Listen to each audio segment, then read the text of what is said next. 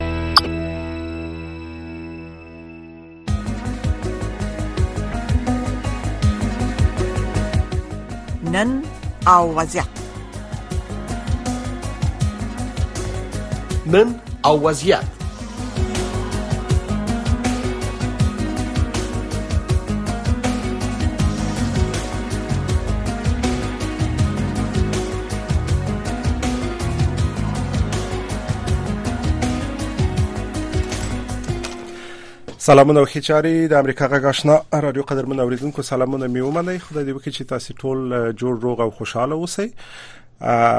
د نن وضعیت په دې پروګرام کې مو زه سمي الله جلالزی کوربېمه د نن په پروګرام کې به په دې وغږیږو چې د بشري حقوقو د څار سازمان خپل نوې تازه راپور خبر کړی او په دې راپور کې په افغانستان کې د بشري حقوقو د وضعیت په اړه اندېښنه خوده لیده راپور ډیر زیات مهم جزئیات لري اما زه د همکاران څخه یې لکم که خبرونه تیاری د دې سات خبرونه به واخلو بیا به د ملما سره په دې موضوع بحث وکړو السلام علیکم درنو ریدونکو ستړي مشي زه زیبا خادم یم دا د امریکا غږ آشنا رادیو خبرونه ده د نړۍ د دې ساعت خبرونو ته ساسې پام را اړوم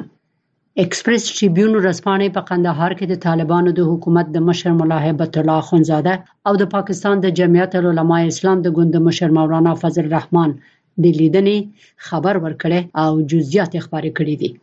دغې ورځپاڼې د خپلو منابعو له قوله ویلي دي چې په دې لیدنه کې د طالبانو د لوري د تحریک طالبان پاکستان د غړو په کنټرول موافقه شوې ده ملا هبت الله اخونزاده بیا د داعش د خراسان د څنګه د وسلوالو په ځپلو او لمنځه وړلو کې د اسلام آباد همکاري غوښتي ده ایکسپریس ټریبیون لیکلي دي چې د امن په فضا کې د پاکستان د انتخاباتو ترسره کېدل د پاکستان او ټي ټي پي ترمنځ رسمي یا نا اعلان شوی لنډمهاله اوربند د پاکستان نه د بې اسناده افغان مهاجرو په ایستلو کې نرمښت د چمن سپین بولدک ترمنځ د تګ راتګ لپاره د ویزې د شرط لرې کول او د ټي ټي پي او پاکستان ترمنځ د سولې د خبرو بیا پیلېدل نور هغه مسایل دي چې د ملا هبت الله او مولانا فضل الرحمن ترمنځ په موافقه شوې ده د طالبانو حکومت په رسمي ډول تر اوسه پورې په دې هکله څه نه دی ویلي د بشري حقوقو د سار سازمان یو وار بیا ویلي دي چې په افغانستان کې د بشري حقوقو وضعیت د خرابۍ خواته روان دی په دې راپور کې راغلي دي چې افغانستان یوازینی هیواد دی چې خځې او جنکۍ پکې لمنځنیو او لوړ زده کړو به برخې دي خځې په کورنیو او بارنیو مؤسسو کې د کار کولو نه منع دي د بیان ازادي نه لري او آزاد تګ راتګ نشي کولای نور تفصيل د امریکا غږ په ویب پاڼه کې ولولئ د طالبانو حکومت ویلي دي چې د دوی د ریاست الوزرا سیاسي مرستيال په ځانګړي ډول د برتانیې سره د مثبت تعامل غوښتنه وکړه د طالبانو ریاست الوزرا په ایکس شبکه کې خبر ورکړی دی چې مولوی عبدالکبیر د پنځشنبه په ورځ د برتانیې د شاه ظفر رابرټ چارټن ټیکسن سره په کتنه کې دا موضوع یاده کړې ده د افغانستان لپاره د برتانیې شارزافیر په دې کتنه کې ویلي دي چې هواد په افغانستان کې د دایمي سولې او ثبات ملاتړ کوي د سعودي عربستان د باچا ملک سلمان خیریه مرکز اعلان کړی دی چې په افغانستان کې زلزلہ ځپلو کورنیو ته د خوراکي موادو 300 بستې استولې دي د سعودي عربستان د ریاض ورځپاڼې خبر ورکړی دی چې د مرستې به چې پرون د قندهار ولایت ته ورسېدې 2.5 زرو کورنیو ته ورکړل شي خبرونه د امریکا غږ آشنا رادیو را اوري د ترکیې د بارنیو چارو وزیر ویلي دي چې افغان پناه غوښتونکو ته د ویزو او په ترکیه کې د استوګنې د اسنادو د ورکړې ژمنه نه ده شوې د ترکیې مطبوعاتي راپورټونه وایي چې د ترکیې د بارنیو چارو وزیر هاکان فدان پرون د پنځشنبې په ورځ د ترکیې په پارلمان کې د اپوزیسیون د عمده ګوند مرستیال دینیز دیمیر د پوښتنې په ځواب کې دا خبره کړې ده د کاناډا د مهاجرت او تابعیت ادارې د افغان مهاجرو د انتقالولو د بهیر په ترڅ کې په 2023 کال کې په لومړنۍ جوپه کې 295 تنه افغان مهاجر د پاکستان نه د هیواد ته انتقال کړي دي د خبر تفصیل ته ستاسو پام را اړوم دغه ادارې د جنوري په 11مه د ایکس په ټولنیزه شبکه کې په اعلامیه کې ویلي چې دا افغان مهاجر د پاکستان څخه د کاناډا د ټورنټو ښار ته انتقال شوې دي په ورته وخت کې په کاناډا کې د بیا میشتېدو لپاره د نږدې 13000 افغانانو غوښتنلیکونه لا هم د کاناډا او نړیوالو غیر دولتي ټولنو او د ملګرو ملتونو د مهاجرو د ادارې تر غور لاندې دي د 2021 کال د اگست په میاشت کې د افغانستان د پخواني حکومت تر سقوط وروسته کاناډا ژمنه وکړه چې 40 زره هغه افغان پناه غوښتونکي به چې د طالبانو په رژیم کې ژوند په خطر کې وي دغه هیواد ته انتقال کړي شافیا سردار امریکا جغ واشنگټن د امریکا د اساسو د جرګې د بارنیو اړیکو کمیټې د افغانستان نه د امریکایي قواو د وټلو نو ورسته د جمهور رئیس جو بایدن د ادارې پالیسی وسیړله په دې غونډه کې چې پرون د جنوري په 11مه شوې ده د امریکا د اساسو د جرګې د بارنۍ اړیکو د کمیټې مشر مايکل مکال ویلي طالبان د امریکا د مالیه ورکونکو د پیسو نه اوس تر بل هر وخت نه ډیره ګټه اخلي هغه طالبان دهشتګر هم وبلل او زیاته کړ چې طالبان د القاعده د شبکې په شمول دهشتګر ډلې روزي او تمویلوي په دې غونډه کې د افغانستان د پاره د امریکا په ځانګړي اساسي ټامس ویست د کانګرس زنو غړو د طالبانو په واکمنۍ کې د افغانستان سره د مالی مرستو په حق له هم انتقادونه وکړل تر اوسه طالبانو په دې حق له سند ویلي خو امریکا په وار وار دا خبره کړې ده چې د دوی لسګونه میلیون ډالر مرسته طالبانو ته نه ورکول کیږي بلکې مرستندوی ادارو ته د بشري مرستو په خاطر سپارل کیږي د پیسو د نړیوال وجهي صندوق اجرایوي بورډ د جنورۍ په یوولسمه پاکستان ته چې د اقتصادي بحران سره مخ دی د مرستو د پروګرام د یوې برخې په توګه د اووه سوه میلیون ډالرو ورکول تایید کړل. خبرونه د امریکا غږ آشنا راډیو د واشنګټن د استودیو نه نشریږي. د امریکا د متحده ایالاتو یو ځانګړي استازي د لبنان او اسرائیل په پوله د ناکراریو د ختمېدو لپاره د ډیپلوماټیک حل غوښتنه کړې ده د درې میاشتو راهیسې په دې پوله د حزب الله د ډلې او د اسرائیل ترمنځ ډزې روانې دي او دا ویره پیدا شوې ده چې دا جنگ به ښایي نورو ځایونو ته وغځېږي د نړیوال زیربنا او انرژي د خوندیتوب لپاره د جو بایډن خاص نماینده پرون په بیروت کې خبريالانو ته ویلي دي چې یو دیپلوماټیک حل دې ته زمينه برابروي چې خلک د لبنان په جنوب او د اسرائیل په شمال کې بیرته خپل مینو ته ستانه شي او د امریکا د متحده ایالاتو جمهور رئیس جو بایډن د جنوري په 11مه ویلي دي چې امریکایي او برتانوي قواوو د هغه د لارښودنې په اساس په یمن کې د شیعه حوثي تندروانو په مرکزونو باندې بریدونه کړي دي. جمهور رئیس بایډن ویلي دي چې د عملیات په سرې بحیرې کې په نړیوالو کښتیو د حوثي تندروانو د وروستیو بریدونو په ځواب کې شوي دي. سعودي عربستان په یمن کې د دغو بریدونو په هکله اندېښنه ښودلې ده.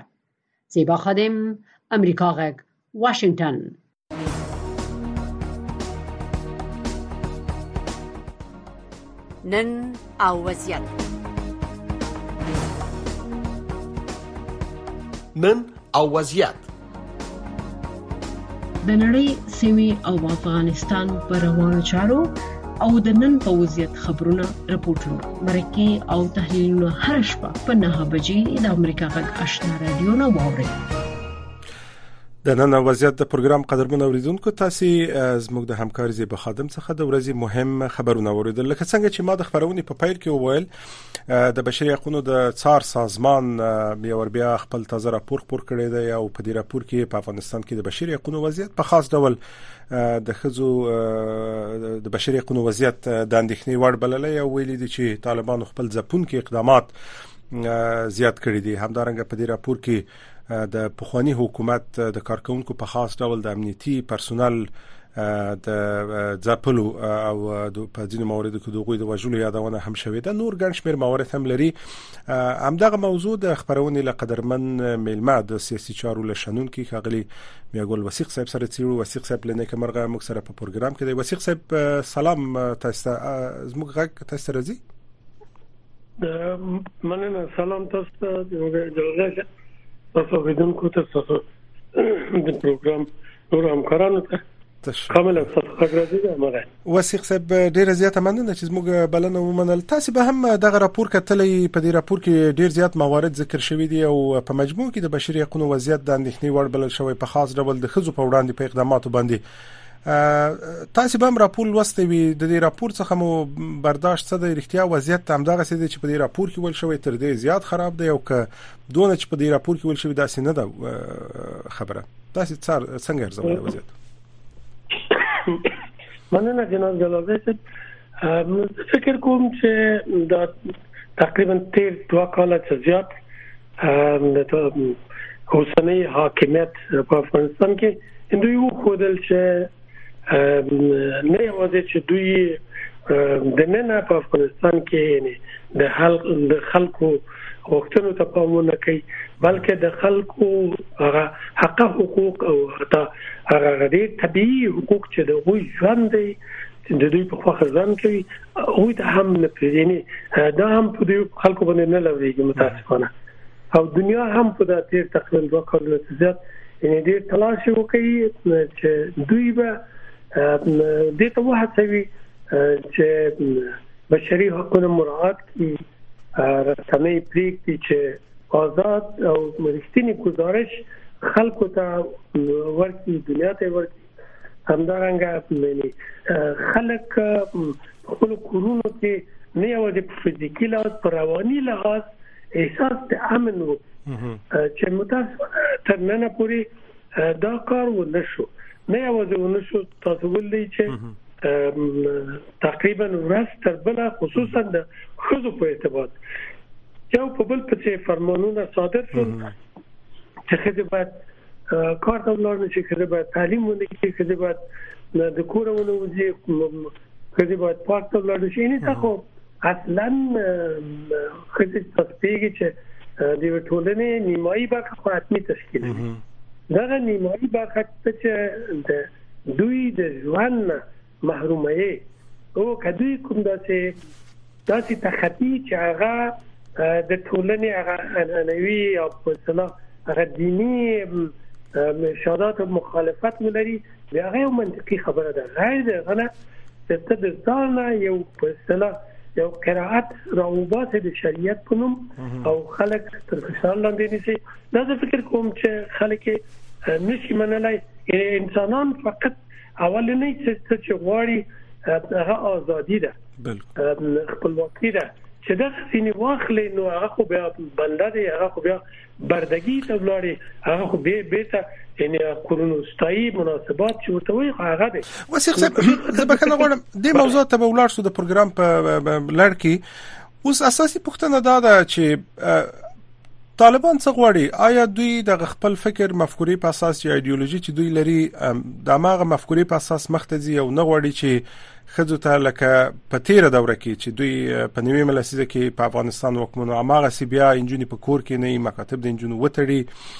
اماغه لار تعقیبي او کنه دا ځل دوی غواړي چې امتیاز ترلاسه کړي د دنیا څخه خصوصا د رسمیت پیژندلو مسله ده یا د تورلیستونو څخه د دوی د مشانو د نمونو د لری کېدو مسله ده څه غواړي ستاسو په نظر آیا مفکوره تعقیبي او که غواړي د دنیا څخه څه ترلاسه کړي زه فکر کوم دا خو د دوی مفکوره هم ایجابي او داسې مفکوره چې په نور اسلامي ټولنو کې اندغه یو تفکر نشته چې د خزه مپرې د تعلیم وکړي په پیدا چې کار ته ولاړ شي د کور نه وځي دا یو ورخه بل اخی کچيري دوی واقعا د دینه غوړي چې په سلا امتیاز تر لاسه کی او هغه د رسمیت پیژندلو په ارتباط زه فکر کوم چې که دنیا بیا دا کار کوي بیا دنیا پر دې خپل خلکو ته چې تر نن پورې هغه ارزښتونه چې دوی د ملل متحد په سطح دوی په خپل ان نشر کړی او هغه باید عملی شي او دوی بیا دغه امتیاز دغه مسایل په ارتباط ورکول کیږي آیا کدوی بیا پر رسمیت پیژندل کیږي د خزو حقوق هغه وخت به مشروع دي اوس نه مشروع دي یعنی څه په دې مونږ چې د پسدینه دوی غوړي چې سیاسي امتیاز ترلاسه کړي او بل په زمن کې دغه شکل د برخورد چې دوی لري زه فکر کوم چې اوس په ټول اسلامي نړۍ کې دغه یو څه نشته چې خزې دې تعلیم نه کوي ونه پوهیږي ټول اسلامي نړۍ کې یعنی هیوادونه کې دغه ستاري ان د تعلیم د خزو تعلیم هیڅ ممانعت نه لري او د خزو حضور په سیاسي ټولنیز فرهنګي او اقتصادي ژوند کې ان عملا موجود دی اما دا چې دوی په نه پیری زه فکر نه کوم چې دنیا هم دې ته قانع شي او دوی هم د دې دغه نه نه اوري دا چې معلومیږي چې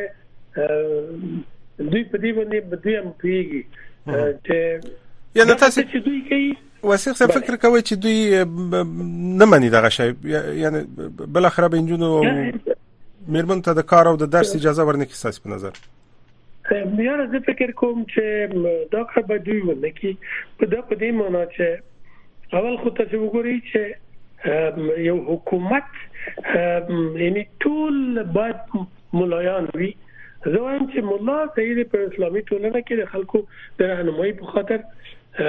ضرورت دی چې هغه دینی مسایل ورته دي اما که حکومت د مولا په لاس کې ورکی نو بیا سیاست څه دی نو بیا ټولنیز روابط بیا دنیا سره روابط نه دنیا بیا د ملایي سیستم سره بیا دوی تعامل ته آماده دي کنه او کچیر آماده وي دا دنیا د فکر کوم اوس دنیا زینت پښتنه همدغه د وسیق صاحب چې آیا فکر کوي ستاسو په نظر ک طالبان واقعا په دغه فکر چې دا اوسې لري او تر اوسه چې موږ لیدلې تغیرات مومده خصوصا دا د خزو په موارد او د خزو د انجونو د تعلیم په مواردو کې تغیرات هم نه دی راغلي دا وضعیت به فکر وکړي چې فکر کوي چې دوام کولای شي یعنی بل اخر به خپل د افغانانو او بیا د نړۍ هغه حوصله هم تنګ نشي ساس په نظر ځکه تیر ځله مو ولیدل چې د طالبانو واکمنۍ او پاچې ډیره وګدا نه و یو خو تاسو وګورئ په دې ورستو کې د خزو حضور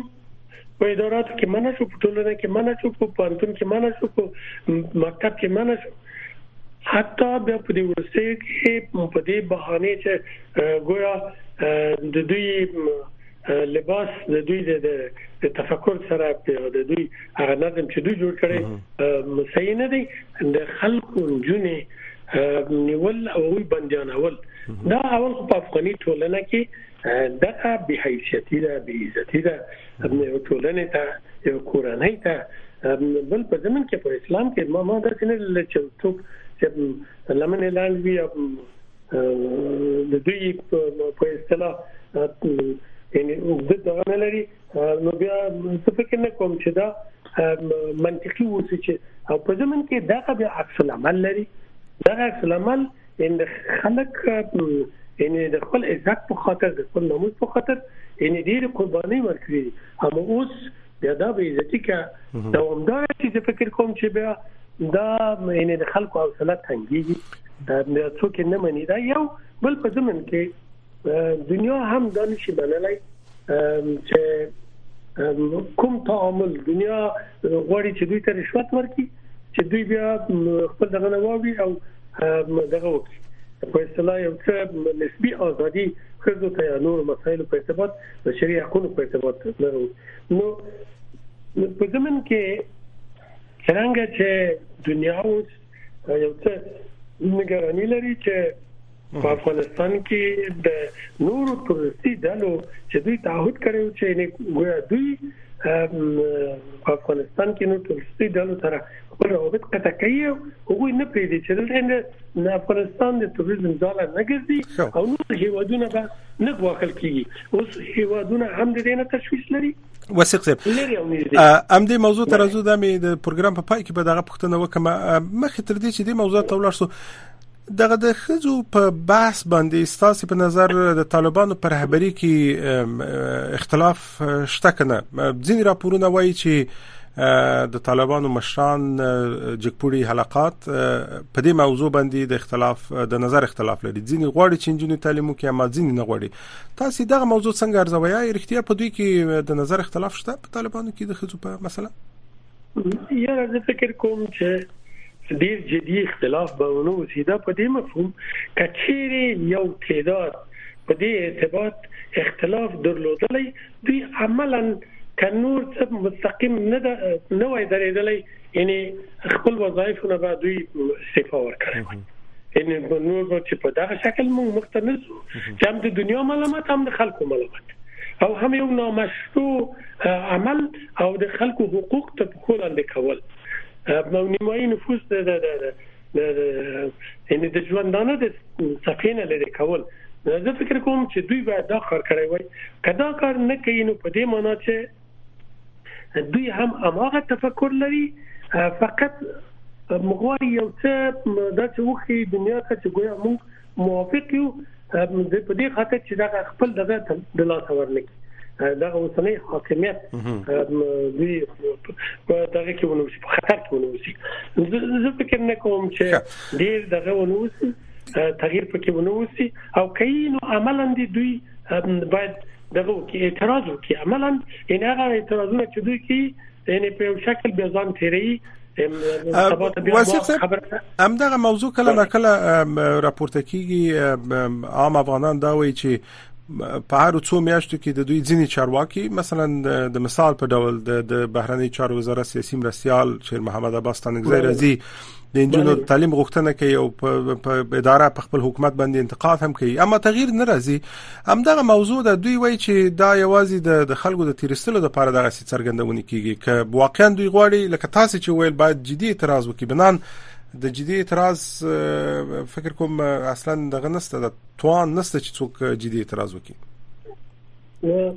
یا اراده نسته یا هم توان هم نه دواړه فکر کوم چې اراده هم نشته او ټول هم نشته وثیق صاحب بله بله اوس خو مهرباني مهرباني بله بله زما پوښتنه دا و چې اوس خو دغه وضعیت په دې شکل دی ډیر تغیرات هم په تیر دوه کلونو سي د موږ د منو چې په ځینو برخو کې مثلا د امنیت په مسله کې د فساد سره د مبارزې په برخه کې مثلا متحده ایالات وایي چې طالبانو د داعش په وړاندې په مبارزه کې مثلا مثبت ګامونه کارونه کړی دي اما په ډیرو برخو کې مشکلات هم سته خصوصا د خځو د تعلیم د خځو د کار مسله ازادۍ او دا مسایل که دغه مسایلو ته طالبان پامونه کوي او حل نه کوي د خلکو غوښتنې د دنیا غوښتنې ونه مني ستاسو په نظر طالبانو ته څه ډول مشکلات مخ کېدل شي په خاص ډول د دنیا د فشارونو مسله زه فکر کوم ګوري جناب جلال زای چې دغه دنیا چې دغه اروپا هغه امریکا او بل بل ان هغه پرمختللې ټولنې آیا دوی د پیسو په واسطه جوړ شوی دي آیا دوی د یعنی فزیکی قواو په واسطه کله فکر په واسطه دوی پرمختللې دي زه فکر کوم چې هر ټولنه چې آگاهی و نلري او آگاهی ته پرې نګدي بیا خصوصا د ټولنې محور چې خزه ده چې خزه د کورنۍ محور ده نو چې خزه با تعلیم او با تحصیل ونه وسی کله ټول افغانستان دوی دغه پروژې جوړه کړي بیا هم الته یو جاهل نسل چې هغه د علم فرهنګ د د د ټکنالوژي نه لري پاتې شي او دوی لازم آگاهي و نه لري په خپل ګټ او ضرر باندې پوي نه وي نو بیا ډیر ساده هغه ټول په یو ورځ کې د منځه وي اما کچيري دغه آگاهي تر لاسه کی او لازمه پوهوي او د خلکو د پوهې سطح لکه لوړه شي او خصوصا د خځو نو زه فکر کوم چې دا بیا کېدای شي یعنی په هر شکل کې ولو پیسو هم پیسې هم نه وي بیا هم خلک کولای شي خپل ټولنه آباد اما که جهالت وسی بیا هر څه آبادی ګوره دغه دغه وطن وران شو جهالت وران کوي که که علم وران کی جهالت وران کی نو په دې خاطر زه فکر کوم همدا اوس دغه مشکلات چې شته په افغانستان کې کله کله ویل کېږي چې ګویا بدیل نشته نو زه وایم چې ګوره دغه افغانان په دې تعصب سره وایم چې د خپل شخصي ګټو په خاطر دوی دغه ملي ګټې قربان کړي یعنی کدی سره متحد شوی وای او ملي ګټې ته ارزښت ورکړی وای او ټول په ملي ګټو کې خپل خپل ګټه ډاکټر یعنی لیدلای وای نن به افغانستان جوړ وای نو بنا ان زه فکر ده ډیر موافق نه یم چې هغه په اصله پروژې کارونه چې دوی کوي هغه به د دې وطن د آبادی سبب ګرځي زه فکر کوم چې هغه کارونه چې دوی کې هم ټولنه راپور او هم مخالف ډلې هم هیوادونه په دې کې شامل نو زه فکر کوم دنیا هم د دې وضعیت نه ناراضي دي نو زه فکر نه کوم چې په دغه شکل دغه د لړۍ دوام وسیق صاحب وخت کم دی 15 دقیقې 4 دقیقې نور وخت لرو ښه اوس خو وضعیت دغه څه دی په دې شکل چې اوس تاسو وایي او موږ تاسو وینو چې په دنیا کې هم جنجالونه او تاوتریخوالي زیات دي په مختلفو سیمو کې خصوصا منځني ختیځ کې دوه جنجالونو لوی نړیوالو جنجالونو ته په کتو که تاسو په نظر طالبان د افغانانو د دنیا بم پریدو د خپل د افغانانو غوښتنې ونه مني افغانان سره یو مټی نه کې ټول د همه شموله حکومت مسله ده همه شموله حکومت په شکل چې په تیر نظام کې و نارضایتا وی طبعا اما بیا هم کې داسې چې ټول افغانان سره یو مټی کې دغه کارونه ونه کې تاسو د دوی بقا څه ډول وینئ او فکر نه کوئ چې دوی ته به هم بیا جنجالونه جوړیږي ګورې جلاله چې موږ یو اصل لرو یو ضرب مثال دی چې وایي په زور کلی نه کیږي کته غواړي چې په زور ځان په خلکو باندې تحمیل کې دا ممکن نه دی یعنی د زور مشکل سبا کې نه او که سبا هم چې د بل ورته بیا یو مصیبت ورته جوړي نو په دې خاطر زه وایم چې دوی کدا کوشش کړی وای چې د خلکو رضایت ترلاسه کړی وای نه دا چې په زور خلک د دوی تابع شي همدا اوس رسنۍ په کوم حال کې همدا اوس چې په کوم حال کې همدا اوس تاسو دا د پاسپورت ریاست دی واقعا دلته جړه راځي چې په ورځ کې تقریبا 10 زره خلک هلته مراجعه کوي دوی لیونیان نه دي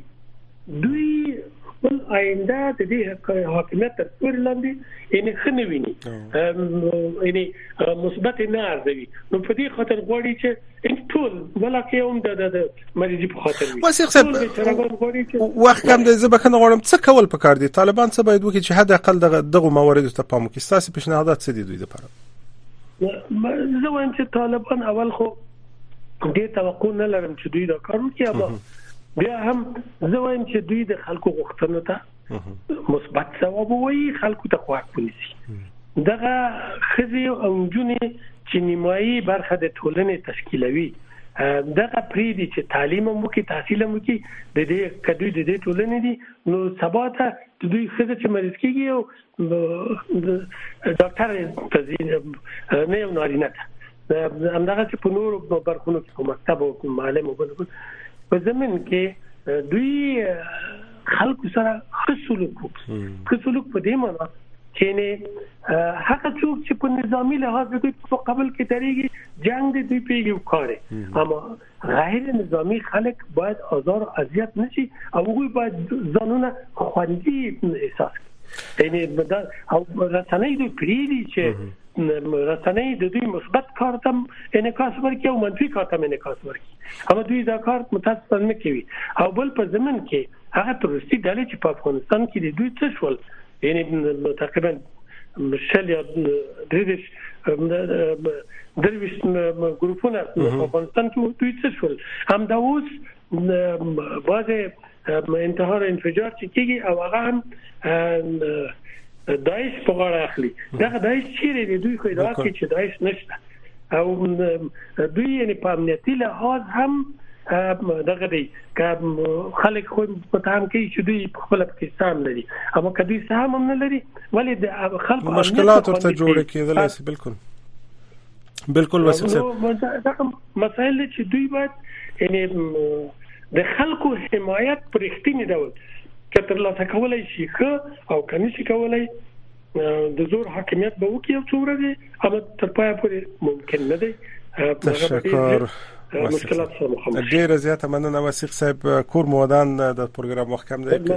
موضوع زیات دي تاسو مننه کوم کور مودان صاحب مننه مننه تشکر د نن او وضعیت د پروګرام قدرمن اوریدونکو زموږ پروګرام هم د پای ته رسیدي تاسو د وسیق صاحب څرګندونې واوریدلې بل پروګرام ساسي غږ دی هغه کې به زه او زما همکار فرخنده جان ساسي قرباني یو په دې لچ موږ سره پاتې شئ